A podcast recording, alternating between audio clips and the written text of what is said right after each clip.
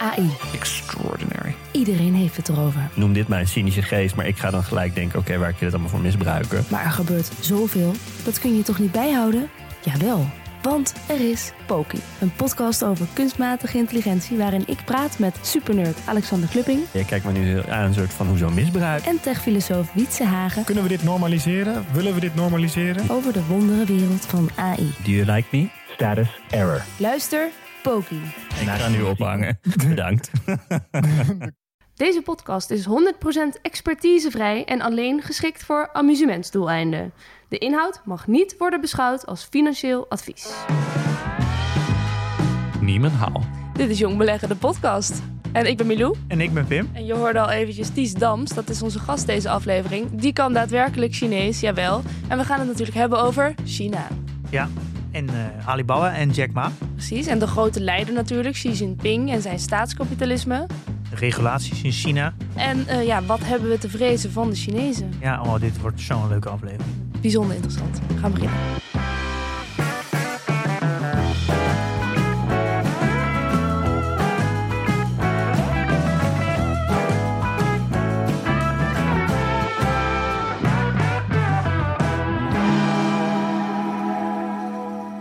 Welkom. Dank, heel erg leuk om hier te zijn. Wij zijn eh, oude bekenden. Althans, een klein beetje. Ik heb jou één keer eerder in een andere podcast lang geleden te gast gehad. We hadden het toen over China, want jij bent echt een expert op het gebied van China. Dat kunnen we denk ik wel zeggen. En je, dat was je drie jaar geleden en dat zul je in de tussentijd alleen maar verder zijn geworden. Ja, de, de, de markt voor kennis over China is alleen maar toegenomen. Het is eh, opeens, waar ik me toch vooral begeef, bovenaan de eh, politieke agenda gekomen. Ehm, maar ik merk ook wel dat bij heel veel bedrijven eh, eh, de verwevenheid met China heel groot is. Maar dat ja, zij toch ook zich beginnen af te vragen: wat doen al die geopolitieke spanningen dan met onze belangen daar? En eh, hoe werkt China precies? Ja. Dus ehm, waar ik tien jaar geleden nog moest uitleggen waarom je hemelsnaam in China zou verdiepen, is dat nu eigenlijk niet meer in vragen. Mensen hebben het idee dat we iets te vrezen hebben van de Chinezen. Ja, ja dat is grappig. Onze verbeelding en onze daden lopen heel erg uiteen. Dus als je kijkt naar opiniepeilingen van Nederlanders en in Europa, wordt dat de angst voor China en het, ook het verwerpen van China eh, heel sterk. Mensen denken dat Xi Jinping een boef is en dat China een kwaadaardig land is. Aan de andere kant zijn we ook sinds de start van de coronacrisis alleen maar meer gaan handelen met China. Is onze verwevenheid economisch met China alleen maar toegenomen. Dat gaat heel snel. Ja. Dus eh, zelfbeeld en, en daden lopen enorm uiteen. Ja. Het is heel erg een, een zwart-wit beeld eigenlijk. In ieder geval mijn belevenis over China. Je bent tegen of voor. Ja. Eh, Is dat ook iets wat jij heel erg merkt? Ja, zeker. En, en ook eh, het wordt steeds moeilijker om eh, ruimte voor die nuance te vinden. Ik, ik, ik begeef me dan in, in dat soort geopolitieke debatten. En waar het een paar jaar geleden nog vooral ging over inderdaad China uitleggen in zijn complexiteit en andersheid, ben je nu vooral ook aan het reageren op wat heeft de Chinese ambassadeur gezegd, wat heeft de Amerikaanse ambassadeur gezegd, in welk kamp moet je staan. En inderdaad, is China kwaadaardig of niet? ja. En het probleem daarmee is volgens mij niet eens dat die, dat, dat die vraag verkeerd is of dat, dat, daar, dat daar antwoorden daarop verkeerd zijn. Maar vooral, eh, we liezen, verliezen de realiteit eh, uit ogen. Namelijk dat, dat we zo diep al ja, met China bestaan in de wereld. Dat eh, een simpel verwerpen of accepteren helemaal niet meer tot de opties bestaat. Dit is een Ja. deel van onze realiteit. Financieel, economisch, politiek, cultureel. Dus eh, eh, ja, die, dat debat is heel snel aan het escaleren. Terwijl eigenlijk de wereld al een tijdje zo in elkaar zit. Je hebt een boek geschreven, Xi Jinping, de machtigste man van China. Misschien wel van de wereld binnenkort, weet ik niet. Ehm, en je werkt nu bij Klingendaal, instituut Klingendaal. Ja. Ik heb altijd het beeld van dat instituut, dat zit daar in Den Haag, in, een, Mhm. in een heel groot mooi park. Ja. Het is best wel een antieke plek, heb Ja. ik het idee. Jij bent zelf, nou je komt uit 93. Ja. Voel je je thuis? Eh, Ja, nee, ik voel me eigenlijk ehm, nooit helemaal thuis op eh, de meeste zou zeggen, werkplekken. Ik ben ook lang freelancer geweest en dat vind ik erg fijn. En daarom vind ik het schrijven van boeken ook eh, fijn. Dat kun je eigenaardig doen en eigen gereid. En dat, dat ligt mij heel erg. Maar ik wil ook altijd dat wat ik dan allemaal op mijn zolderkamertje bedenk testen aan ja, de weerbarstige realiteit van politiek getouwtrek, van gespannen relaties tussen landen. Ehm, en daarvoor moet je niet in Ede, waar ik woon, en op de Veluwe op mijn zolderkamer zijn. Maar moet je in Den Haag en in Brussel zijn en met de mensen praten die eh, morgen moeten gaan onderhandelen met eh, de Chinese ambassadeur over sancties. En eh, ja, dus dat zoek ik op. Dus dat vind ik ongemakkelijk en dat is precies waarom ik het heel interessant vind. Je, je, je bent nu ook met een, of het over uh, Klingendaal, je bent nu ook met een prachtig project bezig volgens mij. Ja, ehm, ja ik, ik, ik, ik heb eigenlijk binnen Klingendaal begin ik twee specialisaties te krijgen. Of beginnen binnen mijn onderzoek. En het ene richt zich op de geopolitiek van narratieven. Dus hoe grootmachten grote verhalen vertellen om hoe andere publieken de wereld zien te veranderen. China is daar extreem goed in en dat zien wij heel vaak niet. Maar het andere is ehm, het groeiende belang van eh, China en van geopolitieke risico's die met China te maken hebben voor ehm, Europese beleggers ehm, en Europese belangen in mondiale financiële markten. Specifiek beleggers dus. Ja. Ja. En dan richt ik me vooral op grote institutionele beleggers. Maar eigenlijk die risico's, wat ik doe, die risico's in kaart brengen. En, en, en proberen te bezien hoe politieke ontwikkelingen in China en geopolitieke ontwikkelingen van China met bijvoorbeeld Amerika en Europa op die financiële markt impact hebben. Dat is ook heel relevant als je gewoon als ja, uh, privébelegger belangen hebt in een Chinees bedrijf bijvoorbeeld. Nou, dus bij deze alvast een uitnodiging voor als je dat onderzoek hebt afgerond. Ja. Die hebben we dan mooi nog te goed. Ja, maar bij het begin beginnen. Uh, wat doen we dus in deze aflevering? Ja, we gaan het denk ik eh, in meerdere delen uh, over China hebben. En ik denk dat het eerste deel, en dat we veel meer over de, de uh, ja, China als land gaan praten. Over, over de, hoe de overheid zich bemoeit met de economie en al die soort, soort zaken. En dat we in het vervolg uh, veel meer ingaan op specifieke bedrijven en misschien uh, ook innovaties en trends daar. Omdat we niet alles in één aflevering hoeven te proppen. Nee, dat gaat ook niet. Nee. En ik ben eigenlijk nog wel heel benieuwd. Je, je spreekt volgens mij Chinees, kan ik dat zo zeggen? Ja, het is niet jammer. Het is wat verroest geraakt. Uh, maar nee, zeker. En je gaat denk ik ook, nou nu dan even niet, maar ook regelmatig denk ik naar China toe. Ja, dat ging ik wel. En ik heb dat sinds de publicatie van mijn boek niet meer gedaan. Dat had praktisch redenen. Ik kreeg een heleboel kinderen. Um, en daardoor wilde ik graag even thuis zijn. Toen kwam corona, waardoor het uh, reizen moeilijk werd. Uh, maar ik moet zeggen dat ik nu ook wat twijfels heb over wanneer mijn volgende keer naar China gaat. Omdat er ja, dus de relaties zo gespannen zijn uh, tussen China en Europa op dit moment. Um, en daar ook door de Chinese overheid denktankers, collega's van mij in andere landen, uh, op sanctielijsten gezet worden. Dat ik, um, dat ik in ieder geval nu niet uh, zo vrijblijvend en makkelijk weer eens even die kant op ga als uh, een paar jaar geleden. Maar op sanctielijsten, um, dat betekent dus dat, dat China die mensen dan straffen wil of zo? Of? Ja, dat betekent dus dat um, dus een tijdje geleden heeft Europa verschillende Chinese organisaties op een sanctielijst gezet. Ja. Omdat uh, zij zeggen, Europa zegt, en uh, dat klopt ook, dat die organisaties betrokken zijn bij mensenrechten schendingen, vooral in Xinjiang en de vervolging van de Oeigoeren. China heeft uh, um, als retaliatie, als, als weerwoord daarop Europeanen, waaronder ons eigen Kamerlid uh, Sjoerd Sjoerdsma, ook op een sanctielijst gezet. En, en eigenlijk houdt dat in dat die mensen China niet meer inkomen.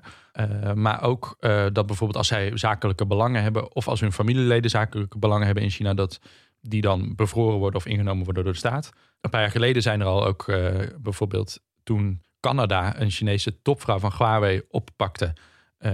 Canadese denktankers die in China waren opgepakt... die zitten daar nu nog steeds vast zonder proces. Um, dus het is wel echt wat...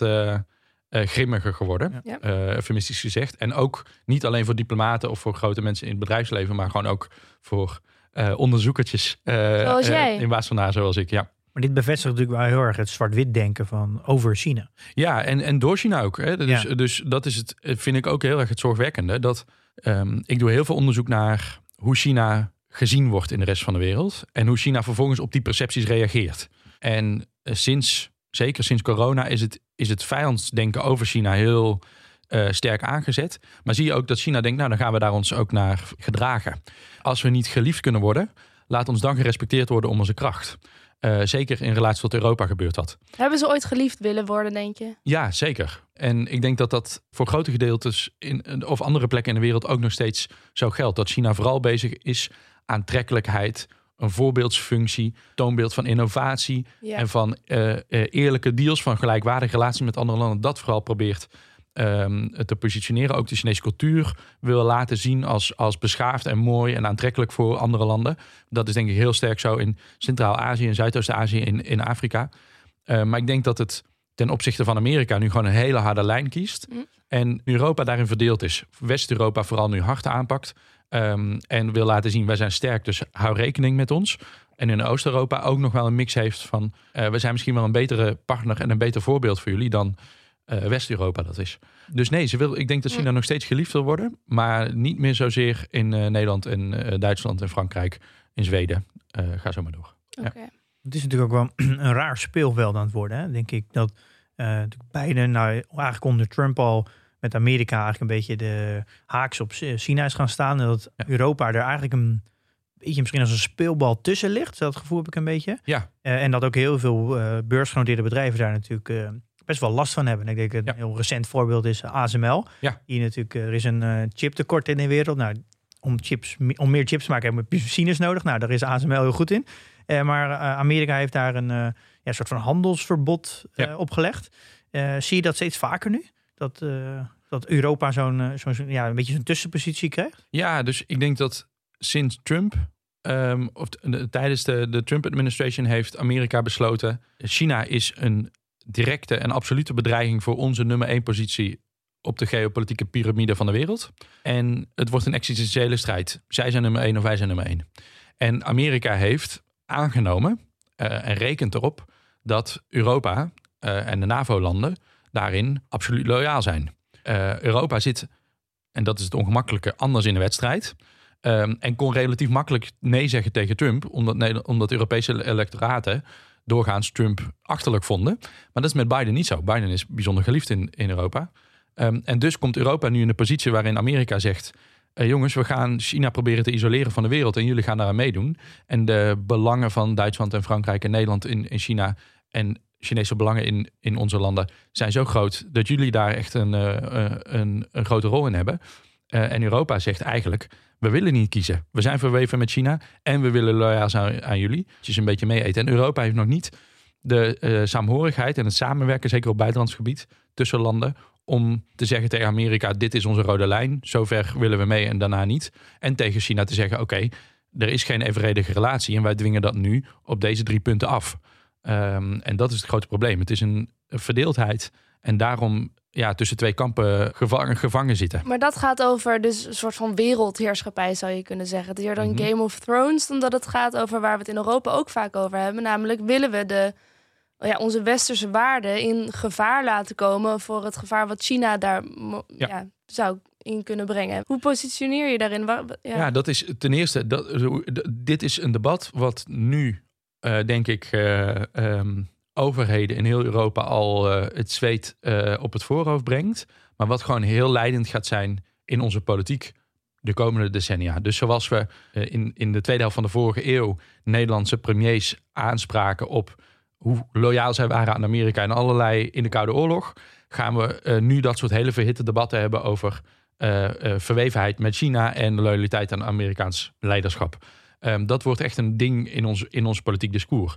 Uh, maar wat ik nog interessanter vind, is dat uh, er, uh, we dus blijkbaar heel erg de behoefte hebben om, om onze wereld te structureren in kampen en in invloedssferen.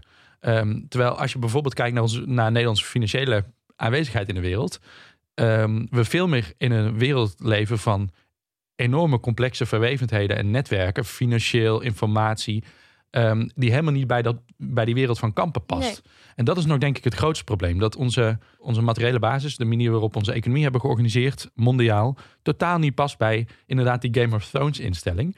Terwijl dat is wel, de Game of Thrones is wel het verhalenpakket waar, waar, waarin wij over geopolitiek denken. Ja. En dat gaat enorm knellen. Want het is wel interessant, want jij noemt net even de cultuur. Is dat ook niet een heel groot dilemma dat we heel erg onze westerse culturen willen voortzetten en dat de Chinese cultuur daar heel erg haaks op staat en daardoor dat we per definitie eigenlijk slecht vinden. En daardoor willen, willen dat iedereen schikt aan onze cultuur. Ja, en we, en we zijn er denk ik ook heel lang gewoon strategisch van uitgaan dat dat zou gaan gebeuren. En China heeft um, niet zozeer, zoals de Sovjet-Unie deed, een diametraal tegengesteld systeem gebouwd. Volgens mij dat ook helemaal niet erop uit is om ons systeem kapot te maken. Het heeft iets veel slimmers gedaan, namelijk binnen die structuren een competitief systeem gebouwd waar het deels open is, deels gesloten, deels autoritair, deels liberaal. Ja. Um, en daarom uh, voor ons heel moeilijk uh, uh, aan te pakken is. En ook een beetje eng is. En dan ja. denk ik van, dat willen we eigenlijk niet. En heel moeilijk te duiden. En ja. het is wel zo dat het een ideologische impact heeft. Want inderdaad, als China heel machtig wordt in de wereld, vergeleken met een situatie in de wereld waarin Amerika alleen aan de stop staat, dan is het minder makkelijk om mensenrechten, vrijhandel af te dwingen bij andere landen. Ja. Want die andere landen zeggen dan, nou als jullie dat soort voorwaarden stellen, dan eh, kloppen we aan in Peking. En dat gebeurt. Dan zit daar ook niet een soort van jaloezie in. Want als ik de vergelijking zou trekken met hoe China nu gerund wordt en Amazon. Eh, Ja. Als belegger eh, ben je eigenlijk heel blij met Amazon. Je- Met Jeff Bezos heeft altijd gezegd, ik ga voor lange termijn groei. Alles lange termijn. 10, 20 jaar. Ik ga geen dividend uitkeren. Ik vind heel erg de manier hoe Jeff Bezos eigenlijk Amazon heeft opgezet, gecreëerd, groot gemaakt heeft. Ook met eigenlijk eh, de, alle werknemers. Dus een van de, voor mij de nummer twee grootste werkgever in Amerika nu. Ja. Eh, die eigenlijk ook alles bepaalt. Ook bijna dik, dus ook een dictatuur. Ja. Heel veel investeren om maar je, je hand in, in elke industrie te krijgen. Nou, ondertussen zit Amazon ook eh, in Europa nu. Bob.com moet zich vrezen. Nou, is vergelijkbaar met eh, misschien de, de, de hand van China in heel Afrika. In principe is Jeff Bezos ook een soort van dictatuur in een onderneming. Ehm, en dat eh, ambiëren we allemaal. Dus hey, dat zijn goede ondernemers, dat is het bedrijf waar we in willen beleggen. En eigenlijk doet China dit zelf. En die ziet het, zijn zit land als een bedrijf. ja, ziet dat niet een, zit daar niet gewoon een extreme jaloezie in vanuit de rest van de wereld? Hoe, hoe China eigenlijk constant maar die groeicijfers presenteren en, Ja. en zich zo goed ontwikkelen en op lange termijn kunnen denken. Ja, en, en dat denk ik zeker. En dat is ook een enorme valkuil. Want daardoor komen we ook eh, volgens mij steeds sterker. En dat zie je nu tijdens corona nog heel, heel veel versterkt worden. In Europa in een soort van. eh, ik heb daar eerder een, een, artikeltje over geschreven. In de mythe van verval terecht. Dus eh, de vooruitgang. die is elders en die, gaat, die maakt onze waarde eh, relevant. En wij eigenlijk zijn wij, behoren wij tot de wereld van gisteren. Een, een boek over de Europese geschiedenis van Stefan Zweig, die nu weer eh, niet, toef- eh, niet toevallig heel populair wordt. Wij denken dat wij dat, eh, die beschaving in verval zijn. Maar ik vind, ik, denk, vind ja. jaloezie wel ver gesteld hoor. Want het is natuurlijk ten koste van wat gaat dat als je je land als een bedrijf gaat runnen. Ja, maar ik dan denk moet je dat, het, dat, het, dat eh, het idee, en dat blijkt ook uit onderzoek, bijvoorbeeld eh Mark Elgarders, eh een, een in Nederland nog veel te weinig bekende, maar briljante Vlaamse socioloog, heeft een mooi boek geschreven, Het Narratief van Neergang, waarin hij onder Vlaamse jongeren, ehm, en jongeren dat zijn mensen, dit is een boek, dat is alweer een tijdje geleden, maar van onze leeftijd, eh, onderzoek doet naar ehm, eh, wat verwacht je van de toekomst. En daarin zeggen zij, ik denk dat het met mij wel goed gaat, met, met ons gaat het steeds slechter. En een hele belangrijke factor daarin is dat zij het idee hebben dat het inderdaad in andere landen, misschien op manieren die zij niet willen, maar toch beter gaat. Dus dat China de toekomst heeft. En eh, dat voedt wel degelijk onzekerheid en rancune. Eh, over waarom krijgen wij ons, onze zaken niet voor elkaar. En ik denk dat er twee fouten zijn. Eén, ehm, we vergeten daarin hoe competitief en waanzinnig eh, vooruitstrevend en goed we hier bezig zijn. Mm. ehm, binnen ons eigen systeem. Maar vooral, eh, we vergeten daarom de vraag te stellen: oké, wij, we hebben nu eenmaal een ander politiek, sociaal, economisch samenlevingssysteem eh, in Europa dan, dan in China. Hoe maken we ons systeem, onze open samenleving, competitief en, en weer eh, toegespitst op de uitdaging van de komende decennia? En dat is wel iets waar ik denk dat jij helemaal gelijk in hebt. Eh, we, we moeten het lange termijns plannen en het, en, en het hebben van visies niet overlaten aan Jeff Bezos en Xi Jinping. Het zou heel fijn zijn als we een premier eh, zouden krijgen in Nederland, die in tegenstelling tot Mark Rutte het nuttig vindt om een visie en lange termijns idee te hebben. Maar dan zit je er alsnog maar vier jaar. En dan zijn er weer verkiezingen. Ja, maar toch zijn er ook eh, ehm, eh, Europese regeringen, ook in het verleden geweest, die binnen zo'n democratisch systeem lange termijnsagenda's konden uitrollen. En er stond deze week nog een heel mooie column van Gideon Rackman in de Financial Times, waarin hij zegt. Eh, steeds weer wordt het einde van de Europese Unie aangekondigd.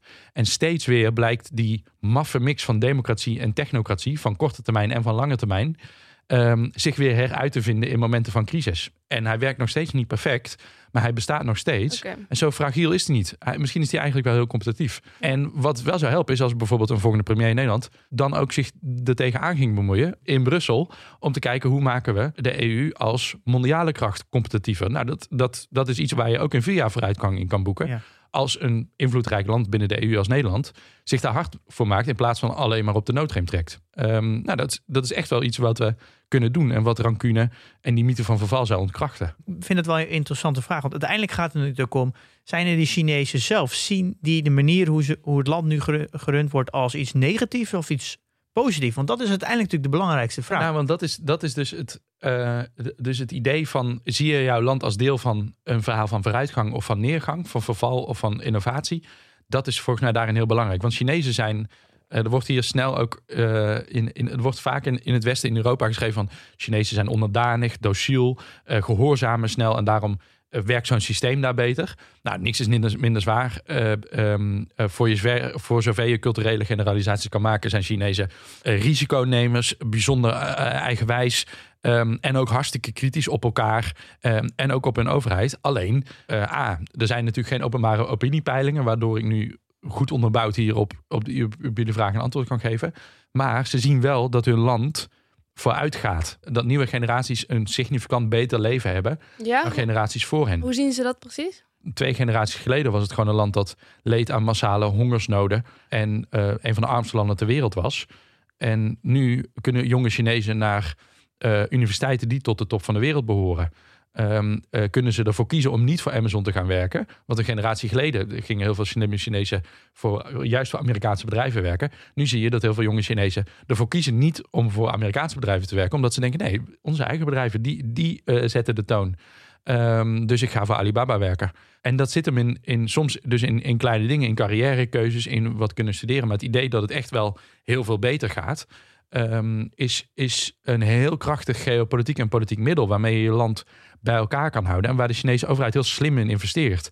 Ehm, en daardoor, ondanks alle onvrede en kritiek en instabiliteiten en ook korte termijns politieke gevechten die Xi Jinping op dagelijkse basis op leven en dood moet uitvechten, is hij daarom in staat om eh, een basis van legitimiteit te hebben waarop hij lange termijnsplannen kan baseren. En dat maakt heel veel uit. Dat betekent dus dat de middenklasse extreem aan het groeien is. Het Ja. is misschien wel de snelst groeiende, het is denk ik de snelst groeiende middenklasse in de wereld. Ja. Nou, als er een middenklasse groeit, dat, dat is natuurlijk een, eh, dat is natuurlijk honing voor beleggers Ja. eh, en voor bedrijven. Ja. Eh, is dat ook eigenlijk de reden waarom je, eh, ja, waarom je moet beleggen in China? Want daar zit gewoon de groei nog de komende Ja, daar gaat 10 een, jaar, 20 jaar. daar gaat een hele grote ommekeer plaatsvinden. Want inderdaad, daar staat, een, daar staat de grootste middenklasse ter wereld op het punt te ontstaan. En de overheid is heel systematisch bezig om van het Made in China, wat achter in onze t-shirtjes staat, goedkope eh, low-tech productie op basis van hele goedkope arbeid. Hè, dat als ankerpunt van de Chinese economie. Om als ankerpunt van de Chinese economie de, de consumptie van die middenklasse te maken, vooral op high-tech en dienstengebied. Dus eh, je hebt twee dingen. Je hebt die demografische ontwikkeling. En je hebt een overheid die heel systematisch bezig is met eh, op 20, 30 jaars termijn het economisch beleid daarop in te richten. En ik denk overigens ook, dat is ook interessant, allerlei vormen van green finance en, en sustainability technologie. Want wat wil die eh, grote middenklasse en waar is de CCP, de Communistische Partij China, zich heel duidelijk bewust van? Die willen veel betere leefomstandigheden dan ze nu hebben in Peking bijvoorbeeld, met veel vervuiling. Eh, dus ze willen schonere lucht, eh, ze willen een duurzaam groeimodel ehm, en ze willen technologie die daarbij past. Dus daar wordt ook flink in geïnvesteerd. 2060 energie-neutraal. Ja. Denk je dat dat haalbaar is? Ja, het interessante is dat dat volgens alle realistische plannen niet haalbaar is. Ehm, en dat Xi Jinping het als, zoals Kennedy dat ook had, zijn taak als politiek leider eh, ziet om dat punt op de horizon vast te stellen. En dus die enorme partijmachine waar hij aan de baas staat en die, die hele maatschappij te dwingen dat toch waar te gaan maken. Zo deed Kennedy dat ook met de Air Force eh, van Amerika. Dat, dat, hè, wat hij daarin aankondigde in military build-up en het gaan naar de maan, wat daar een, een voortvloedsel van was, was ook schier onmogelijk toen hij dat aankondigde. Realistisch gezien is dat niet, eh, gaat dat niet gebeuren. Gaat het gebeuren? Ik denk eigenlijk van wel. Eh, dat is het paradoxale antwoord. Ja, Nou ja, ook al kom je in de buurt, dan doe je het natuurlijk al heel goed. Ja. In, eh, nou, dat is eigenlijk wel algemeen bekend hoe Europa en, en eh, nou, gebeurt landen groot is gewoon industriepolitiek. Ja. Je kan natuurlijk gewoon, volgens mij begin je met de staalindustrie, een beetje de lage industrie. Volgens mij heb je elf industrieën, nou die stapel je op en zo kan je een land groot maken. nou, Mhm. dat is volgens mij gewoon een, een basic economics als het gaat om eh, een land runnen. Nou, China is daar natuurlijk masterlijk in. Hoe zie je daar eigenlijk de inmenging eh, van de overheid nu in bedrijven? Want het lijkt een beetje of ze, ze doen extreem veel industriepolitiek, maar ze laten het ook niet meer los. En het idee bij Europa is op een gegeven moment, we stappen er ook weer uit. We zetten, Ja. En hoe, hoe zie je dat de inmenging van de Chinese overheid in, in, ja, eigenlijk in de industrieën? Ja, dat is een, eh, een beetje als een, eh, als een dirigent, als een orkestleider. Dus we zien het in Nederland of in, in Europa vaak meer als een screenwriter. Iemand die het script maakt. Dit is precies wat jullie gaan doen en zo is onze weg naar voren. Maar wat, wat de waar de Chinese overheid heel goed in is, is om einddoelen te stellen. Daar moeten we naartoe. Vervolgens fondsen en mogelijkheden en ruimte te creëren in regelgeving. Zodat ondernemers gaan proberen om daaraan bij te dragen, aan die weg daar naar voren. Dus proberen hun bedrijven te bouwen die gebruik maken van die kans. Bijvoorbeeld China moet high-tech leider worden. Oké, we, we hebben investeringsfondsen vanuit de staat om je start-up uh, van de grond te krijgen. We nemen regelgeving weg zodat je buitenlandse technologie en, en uh, kapitaal ook nog binnen kan halen. En ga maar groeien. En dan op een gegeven moment te kijken, oké, wat is het speelveld? Er is heel veel competitie, er zijn allerlei spelers. We hebben de kans om bij een paar van die spelers mondiale toppers te maken. Die gaan we nu met, ook wel met staatssteun, uh, inderdaad zo positioneren om mondiaal competitief te worden. Dus het is een hele maffe dans van directie en vrijlaten. Ja. Um, uh, zoals een orkestleider dat ook doet. Uh, uh, een, een, slimme, een slimme dirigent laat vooral de muzikanten het stuk spelen waarvan ze weten dat ze dat moeten spelen. En als er eentje een verkeerde noot blaast, dan fluit hij hem terug. En, en dat is eufemistisch gezegd, want dat kan de Chinese staat heel hard doen. En daarom maar als je is... twee keer verkeerde noot, liggen eruit. Ja, ik weet eigenlijk niet of, of, die, of die tweede keer gehaald wordt. Um, en, soms, en soms weet je ook niet wat de verkeerde noot is. Hè? Dus het, het Chinese ja. systeem is ook er eentje van heel veel ongeschreven regels. Dus, uh, en veranderende regels. En het wordt nu onder Xi Jinping wel ook weer een stuk meer autoritair. Dus Xi Jinping is echt wel bezig om zijn invloed ook in het grootbedrijf weer um, toe te laten nemen. Nou, dat is natuurlijk, ik lees heel veel, uh, vooral uh, op uh, Seeking Alpha, dat is een Amerikaanse website waar heel veel analyses worden gedeeld, vooral door retailbeleggers.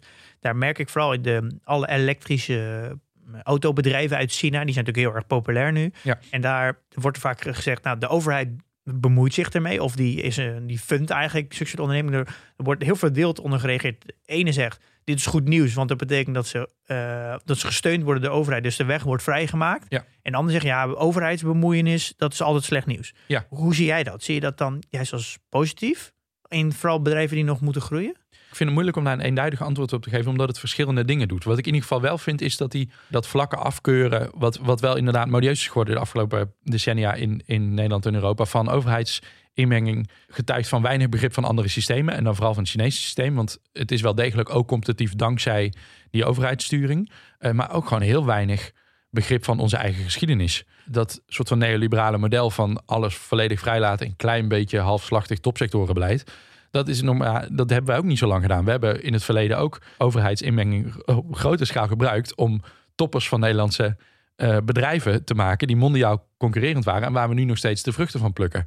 Dus, dus nou, ik, denk, ik denk dat, we, dat het in ieder geval dat we wat slim zou zijn. Mariana Mazzucato is een interessante denker wat dat betreft. Is als we gaan, als we de, de Chinese uitdaging zien hè, van een autoritaire inmenging in, in de economie door industriepolitiek, zodat uit uitdaging, als uitdaging zien van oké, hoe kunnen we in open samenlevingen met democratieën toch doen aan um, missiegedreven lange termijns sturing van industriepolitiek. Dat zou een slimme handschoen zijn om op te pakken. Maar een eenduidig antwoord hoe China dat doet, is dat goed of fout? Dat vind ik heel moeilijk, omdat het soms um, nou ja, alleen al vanuit het perspectief van de Nederlandse belegger meewerkt en soms heel erg tegenwerkt. Ik zit zelf een beetje met het idee waar ik nu over ben gaan twijfelen. Ik heb een ETF in China. Ja. En ik vraag me dan af, moet ik wel een land supporten waarvan ik eigenlijk niet helemaal eens ben hoe ze met mensen omgaan? Ja. Um, moet ik me daar schuldig over voelen? Wat denk jij? ja, dat is, eh, dat is een vraag die heel veel uh, Europeanen zich de komende tijd gaan stellen. En die uh, bedrijven zoals H&M zich nu ook moeten stellen. Hè. Um, heel veel Nederlandse bedrijven zijn, maar of heel veel Europese bedrijven moet ik zeggen, uh, zijn deel van op een of andere manier de productieketens. Waarin in China mensenrechten worden geschonden. Bijvoorbeeld ja. de katoenproductie in Xinjiang, die drijft op arbeid van geïnterneerden in, in heropvoedingskampen.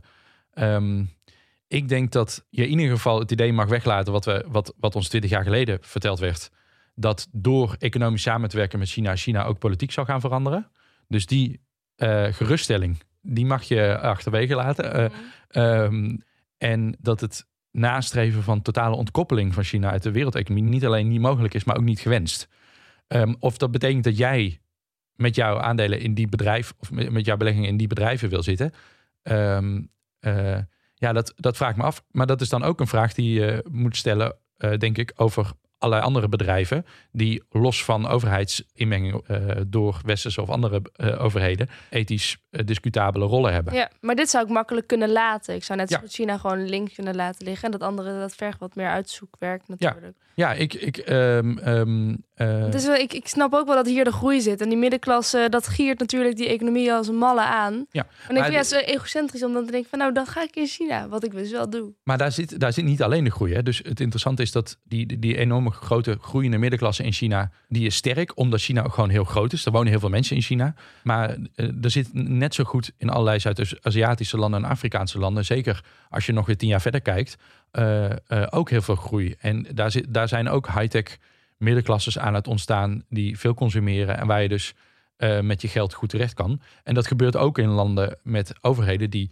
mensenrechten respecteren, democratisch zijn, persvrijheid hebben. We vergeten dat Korea, Taiwan en allerlei andere landen ook leiders zijn op, op high-tech gebied. Ook waanzinnig innovatief zijn en dat ook allemaal voor elkaar krijgen. Overigens met lange termijnsplanning en met eh, staatsinmenging, maar binnen democratische systemen.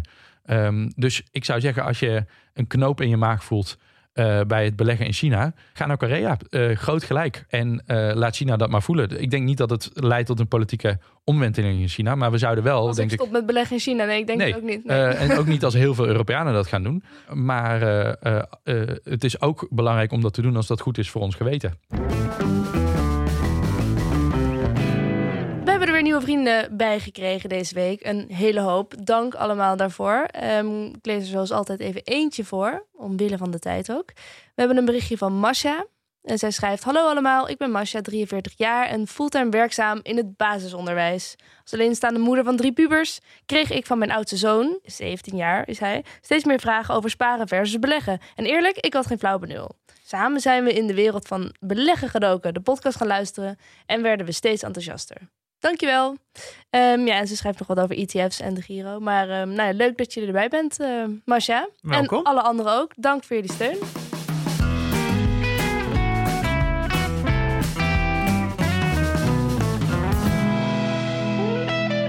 Dan gaan we nu naar het nieuws. Ja, nou, dit is wel een, eh, een ideale timing. Eh, afgelopen week eh, is volgens mij de boete die al eh, maandenlang boven het hoofd hing bij eh, Alibaba uitgekomen. 2,4 miljard.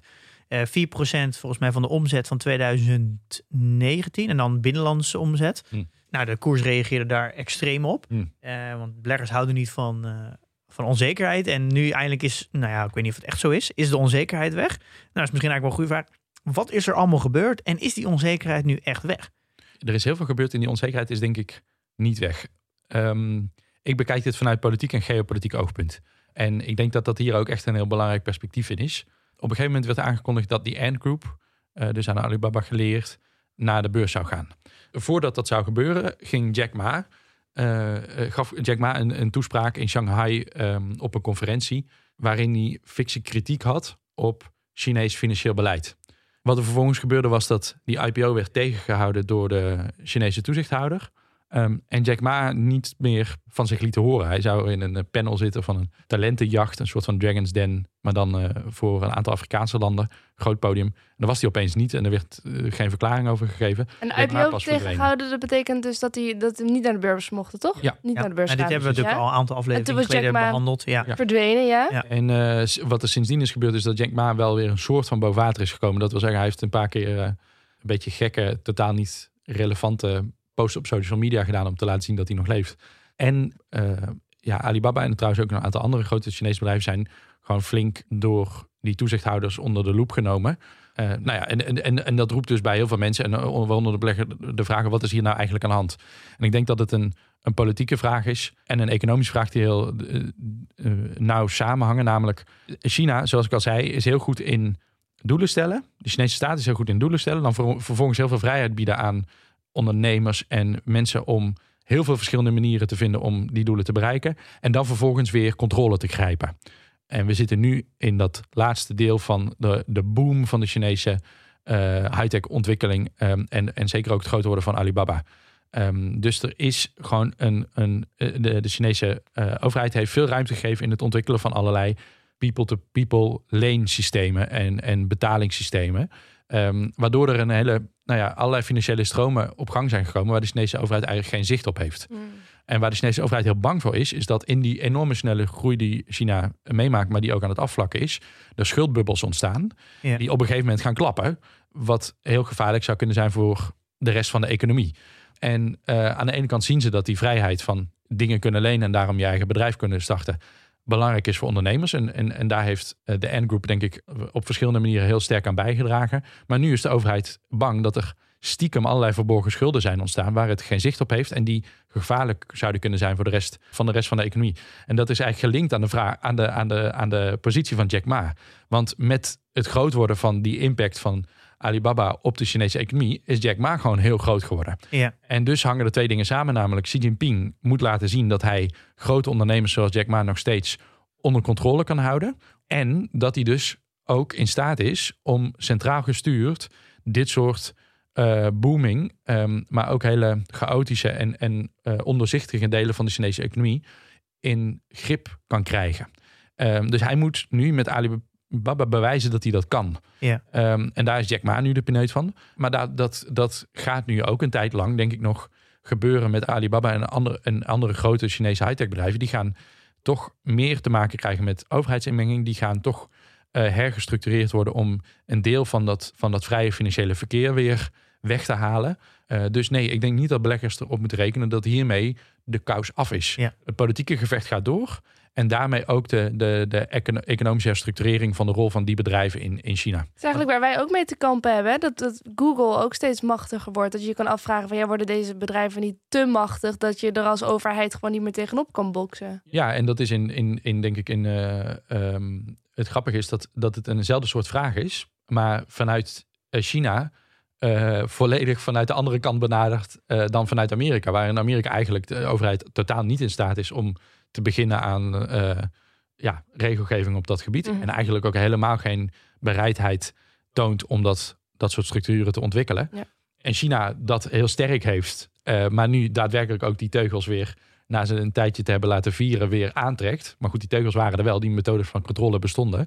Um, bevindt Europa zich in het midden. Namelijk dat we met uh, regelgeving wel grote techbedrijven, dat we ze regelgeving willen opleggen om bijvoorbeeld desinformatie tegen te gaan. Of in ieder geval om te bij te dragen aan maatschappelijke stabiliteit. Uh, maar dat we daar maar gedeeltelijk in lukken. Dus in, in Europa is de bereidwilligheid er wat meer, maar natuurlijk niet de, de kracht van de staat zoals die er in China is. Dus wij zitten daar een beetje tussenin. Ja, okay.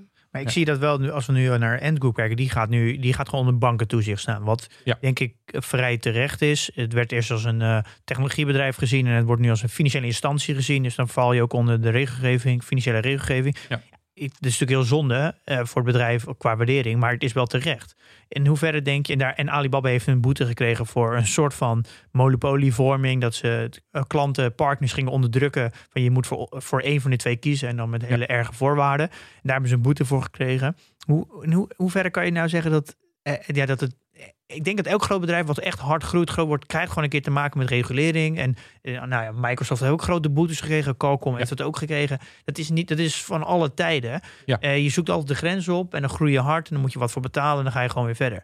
Eh, kan je dat zo stellen ook bij Alibaba? Of denk je echt, nou, dit is gewoon een, dit is echt het begin voor Jack Ma en Alibaba wordt gewoon de komende vijf jaar constant beperkt in groei en die krijgt constant alleen maar regulatie. Geteisterd door Xi Jinping. Ja, de vraag is op welke manier die politieke invloed eh zou worden ehm, bewerkstelligd.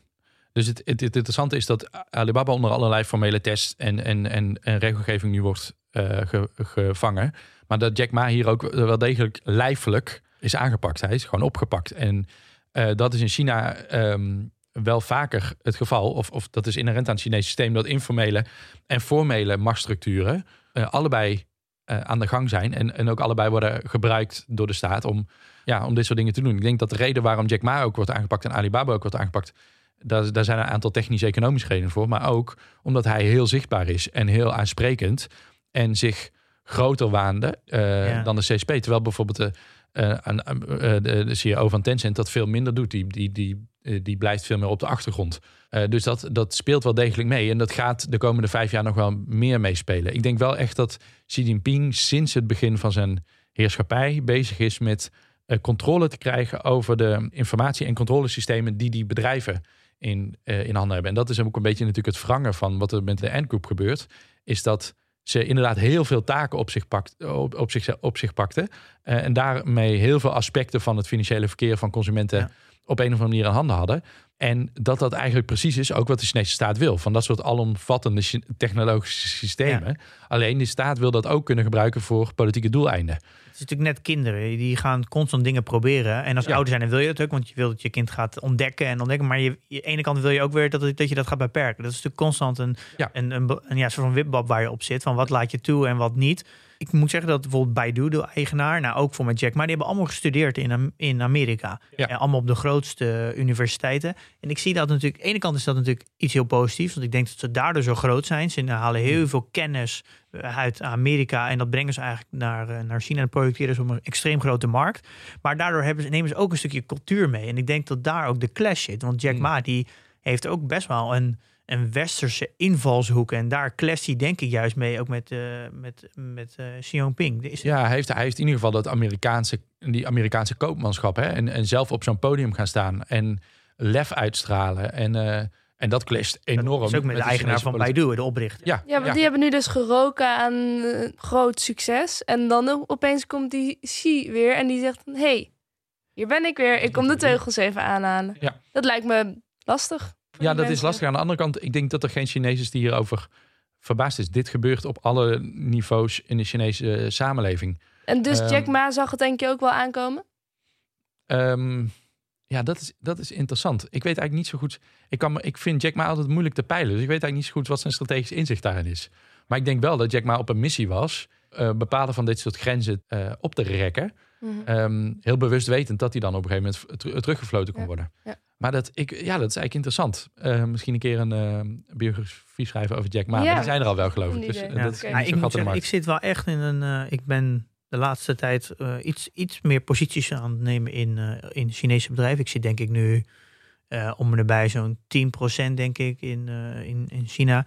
Ik, ik heb wel veel momenten van twijfel. Dat ik denk, Hm. ja, is het nou wel handig? Ik merk dat er best wel een informatiecap is. Ik, het- ik krijg het allemaal vanuit eh, tweede, derde hand. Ja. Eh, dus ik heb daar wel be- best wel mijn uitdagingen. En aan de ene kant denk ik, ik moet het juist doen, want daar zit ook wel de groei. Ja. Het zijn ook best wel hele mooie bedrijven. Ik denk op heel veel vlakken dat ze voorlopen in eh, Amerikaanse bedrijven. Ik zie daar echt een trend van. Eerst werd er naar Alibaba gekeken als ze kopiëren gewoon Amazon. Ja. Ik denk dat er nu een andere kant op gekeken wordt. Kijk naar Tencent, wat die allemaal doen. Nou, daar kan, dat kan Facebook ook allemaal nog doen. Ja. Dat is gewoon een complete, eh, eigenlijk om een keer. Dus ik zit daar wel echt in een dilemma. Wat ik daar nou mee moet als particuliere belegger.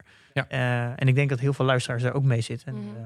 eh, dit gaan we niet oplossen in één aflevering. Het gaat denk ik denk de komende misschien wel jaren blijf ik wel deze vraag stellen. Nee, ja, het, het, het komt ook, denk ik, neer. Dat vind ik. Ik ben zelf politiek filosoof van opleiding. Het komt neer op een hele fundamentele vraag. Namelijk, geloof je dat uiteindelijk op de lange termijn zo'n autoritair systeem, ook als het door golfbewegingen van meer controle en minder controle gaat, zo'n zo'n innovatiekracht kan vasthouden? En het interessante aan China is dat de veronderstelling dat dat niet kan, die heel dominant was en is eh, in, het, in het Westen, ehm, eigenlijk steeds loger straft. Eh, China lijkt dat toch steeds weer vast te houden. Maar er zit, beleggen is over het algemeen, nou, het is alleen maar toekomst kijken. En je, Ja. er is zo per definitie heel veel risico's. Eh, dus je wil zoveel mogelijk risico's niet zozeer indammen, maar je wil ze begrijpen. Dat je Ja. in ieder geval een overwogen keus maakt. En de overheid is voor mij een echt een soort van, eh, eh, ja, het is dus een soort van... eh, ik, Communistische partij. ik kan dat gewoon niet inschatten. Nee. Als, als bijna als eh Xi Jinping met de verkeerde been naar bed stapt, dan, dan is de groei uit Alibaba bijna bij ze van. Ja. En dat is volgens, voor mij zo'n grote risicofactor die ik niet kan inschatten. Wat, Nou het, ja. eh, wat, wat ik wel moeilijk vind. We, we hebben inderdaad een heel erg een idee van autocratische systemen als dus daarom ook wispelturig. En dat is China zeker niet. Dus er zijn wel golfbewegingen en er zijn niet helemaal duidelijke grenzen en soms worden mensen teruggefloten. Ehm, maar er is wel degelijk een systeem dat dus ook systematisch nadenkt over dit soort dingen en dus ook systematisch handelt. Het is niet zoals ons platte beeld van een bananenrepubliek. Inderdaad, dat Xi Jinping ochtends uit bed stapt en denkt: ik ga die Jack Ma eens kleiner maken. Dit, dit zat er in die zin wel een, al een tijdje aan te komen dat Chinese regel, eh, eh, regelgevers, beleidsmakers, toezichthouders ook al wel tijden bezig zijn over het gevaar van shadowbanking en van, van de staat losstaande financiële stromen. En dat je dus ook wel kan voorstellen dat daar op een gegeven moment ze teruggefloten zouden Ja. worden. Ehm, dus ik zou zeggen, wat heel lang heel veel mensen niet hebben gedaan, wat instituties, institutionele beleggers, maar ook overheden nu een beetje beginnen te doen, maar wat eigenlijk heel veel mensen zouden moeten doen, is echt investeren op, eh, in eerstehands kennis van Chinese beleidsvorming. Want daar is van alles over te kennen. China heeft een heel systeem van denktanks die daarover adviseren. Waar je de rapporten van kan lezen. Zeker als je Chinees kan of dat iemand voor je kan laten vertalen. Oh, ik weet nog wel iemand. Ja, uh, en, en, en uh, dus, dus daar is van alles over te ontdekken. Uh, ja. En, en China heeft een systeem. Het interessante is dat, dat, dat er mensen zijn van Rob de Wijk tot um, Joe Biden, die steeds weer zeggen over geheime plannen van China om de wereld te veroveren. Het interessante is dat die plannen allemaal zwart op wit staan. Um, daar staat overigens wereldveroveren niet, niet in. Maar China presenteert die vijfjaren plannen. Lees ze. Um, ja. En dan weet je al heel veel meer. Eigenlijk, als ik eens dan een beetje goed heb geluisterd, zeg je eigenlijk dat de Chinese overheid juist helemaal niet zo van die grote uh, golfbewegingen, niet heel wispelturig is. En dat het juist heel stabiel is. Heel en dat dat eigenlijk mijn, mijn gevoel, dus niet en mijn zorg eigenlijk niet helemaal terecht zijn. Ja, ja ze, ze, maken, ik denk dat het een mix is van, van die twee antwoorden. Je zorgen zijn niet helemaal terecht, omdat ze maken, ze maakt wel een golfbeweging van repressie en vrijheid. Maar die uh, golfbeweging is wel enigszins systematisch doordacht. Die is niet afhankelijk van, zoals dat bijvoorbeeld onder Mao wel degelijk was, van Mao's humeur en zijn mentale gezondheid. De vorige. Ja, de, de, de, de, de grote. De Mao Zedong, de, de, de grote soort van stichter en, en totalitaire leider echt van het vroege communistische China in de jaren 50, 60, 70. Uh, die, die lag in bad met zijn concubines en, en werd dan uh, uh, boos. En daar, daar hing nog wel eens overheidsbeleid vanaf. Dat is ondertussen echt niet meer zo. De Chinese staat is sindsdien extreem geprofessionaliseerd. En zelfs Xi Jinping, die sinds Mao zeker de machtigste leider van China is...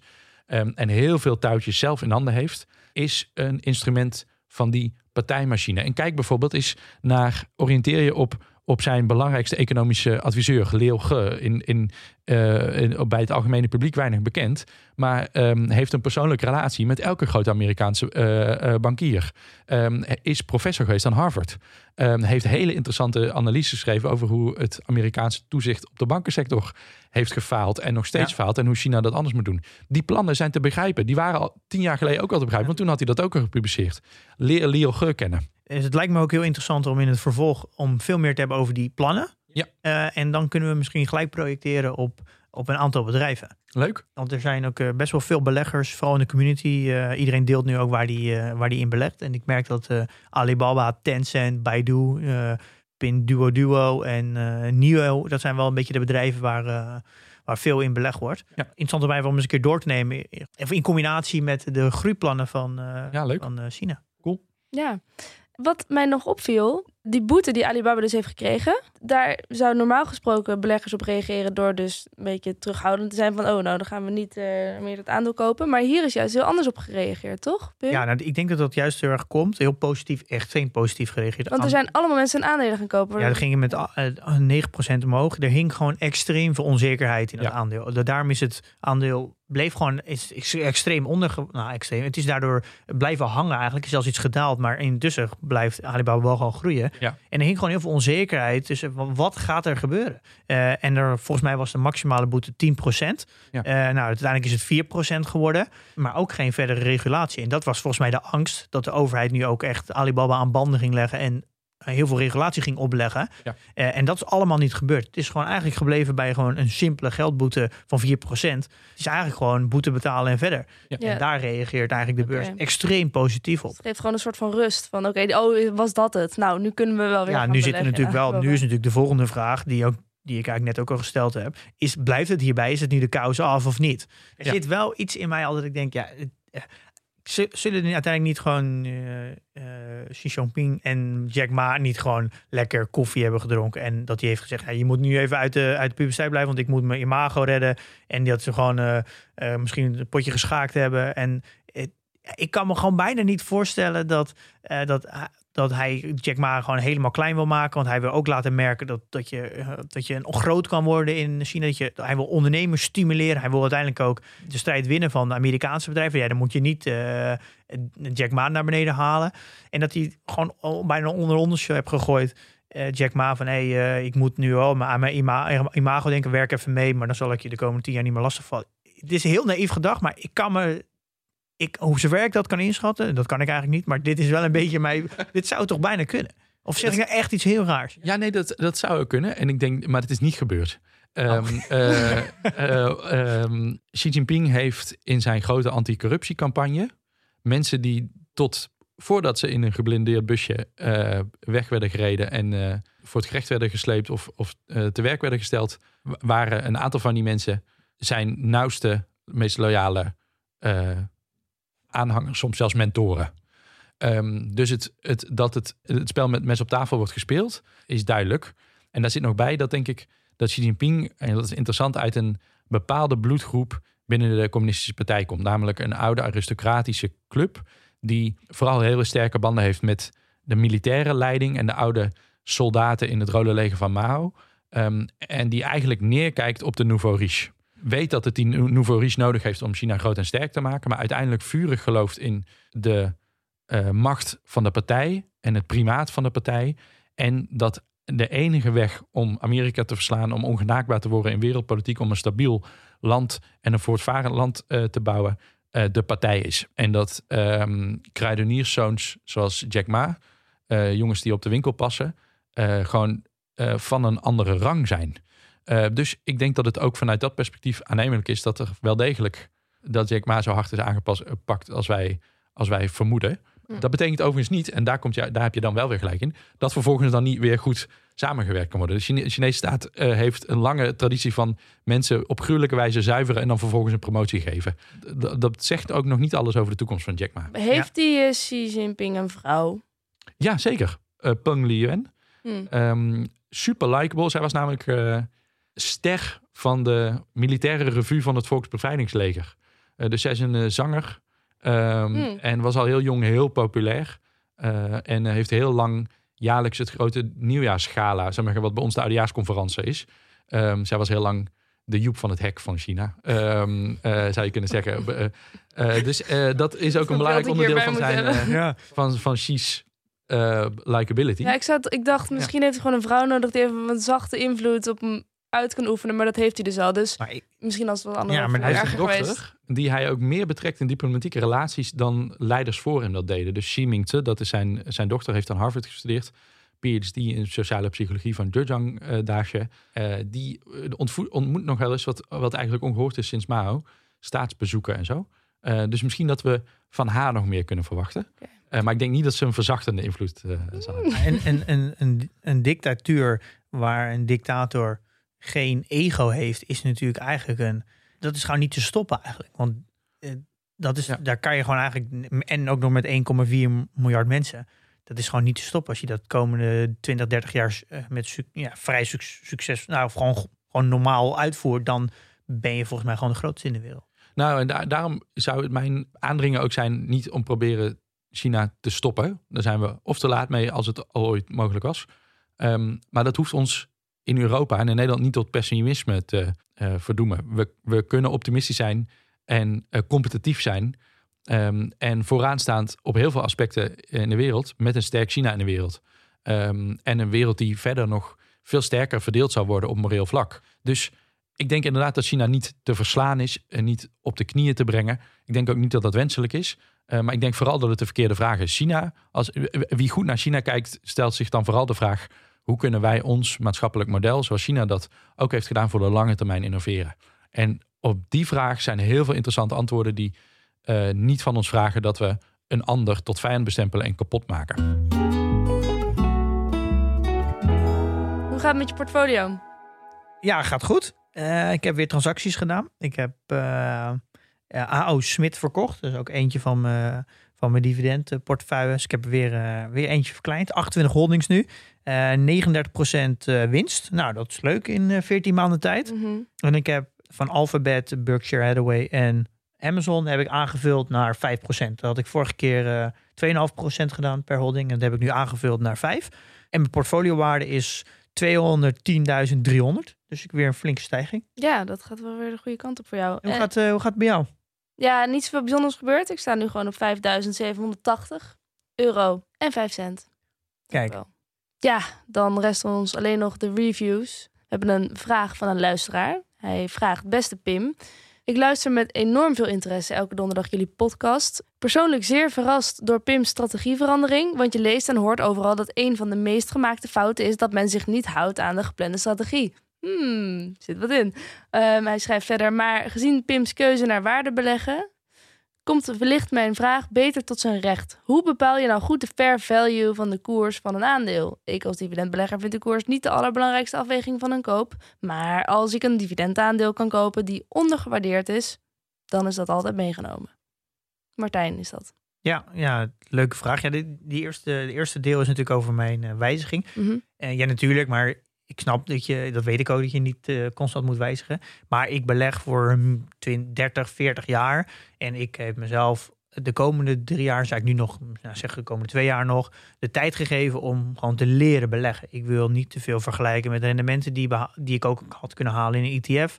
Voor mij is het allerbelangrijkste dat ik leer beleggen ja, daar zit af en toe wel wat wijzigingen tussen. Ik, uh, toen ik begon met beleggen, wist ik überhaupt het bestaan van waardebeleggen niet eens af. Oh, dat er strategieën bestonden. dus ja, dus ik, ik, we zijn aan het leren in deze podcast. Dus ik wil gewoon veel leren. En daar zal, ja, daar zal ik denk ik in de komende ja, jaar, twee jaar nog wel vaker een wijziging doormaken. Met het Mhm. idee dat ik uiteindelijk op een punt uitkom waar ik me comfortabel bij voel, wat precies past bij mij. En dat ik daarna gewoon 30, 40 jaar die strategie kan uitvoeren. Ja. En over het tweede deel van de vraag, dat is precies wat we gaan behandelen volgende week. toch? Ja, we gaan het volgende week hebben over wat is waarde beleggen.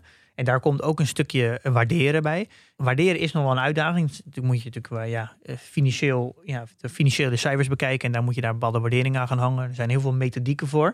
Dus die ben ik nu langzaam een beetje aan het ontdekken. Mhm. En het vergt, het is nogal lastig om dat via audio te doen.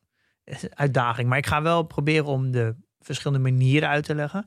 Maar het blijft denk ik wel bij een theoretische uitleg. En verder heb je toch echt wel beeld nodig om, eh, en Excelletjes nodig om het echt te begrijpen. Oké, Eh, maar het komt wel aan bod. oké. Nou, dat is volgende week ook meteen. Ties Dams, politiek, filosoof, strateeg, eh, boekschrijver, Klingendaal. Ja, professor nog niet. Wil je eigenlijk nog professor worden ooit? Eh, nee, niet per se. Oké. Nee, nee, ik, ik wil, ik wil, eigenlijk- het, leuke vind ik ondertussen is dat ik ongeveer wil blijven doen wat ik doe. Oké, Ik ben eigenlijk helemaal vergeten waar- of je zelf ook belegt. Nee, dat doe ik niet. Ehm, en ik denk eh, vanwege de reden dat heel veel mensen deze podcast gaan luisteren. Namelijk dat ik dacht dat ik dat niet eh, kon en dat het veel te ingewikkeld zou zijn. Ehm, en sowieso dat geldzaken eh angstaanjagend zijn. ja. En het grappige is dat ik dus nu vrij recent in mijn werk veel meer van financiële markten en zo leer. En dat ik denk, ja, maar waarom eigenlijk niet? ja. Het is ingewikkeld, maar je moet ergens beginnen. En dan, dan Ja, gaat het begin vanzelf al met deze beetje. podcast. Ja, ik zit echt zo aan te hikken tegen mijn inkomstenbelastingaangifte. oh, ik krijg er nu weer stress van. Anyway, ik wou vragen... Oh nee, ik wil eerst zeggen dank. Heel graag gedaan. Dat is ontzettend leuk. En ik kijk echt uit naar de volgende keer. Ik heb echt genoten van deze aflevering. Het is veel te kort. Hashtag MeToo. Ehm niet Dan hashtag. word ik beschuldigd. Gewoon MeToo, gewoon MeToo. Ik ook. Eh, ik wou vragen, Ties, want we hebben nog helemaal Ja. niet zoveel gehoord. Maar ik heb een paar Chinese woordjes al gehoord, hier en daar, vooral namen. Misschien wil jij afsluiten met onze tekst. En dat is investeer in je kennis en beleg met beleid, maar dan in het Chinees. Nou, dat ik ook. kan ik echt niet. Of je mag ook eh, op jouw manier afsluiten, met eh, iets waarmee je wel kan afsluiten. Eh, dan zeg ik, uh, Wat betekent dat? Ik vond het heel erg leuk om met jullie te spreken en tot ziens. Insgelijks. Ehm, nou, doe ik het toch nog even zelf. Investeer in je kennis en beleg met beleid.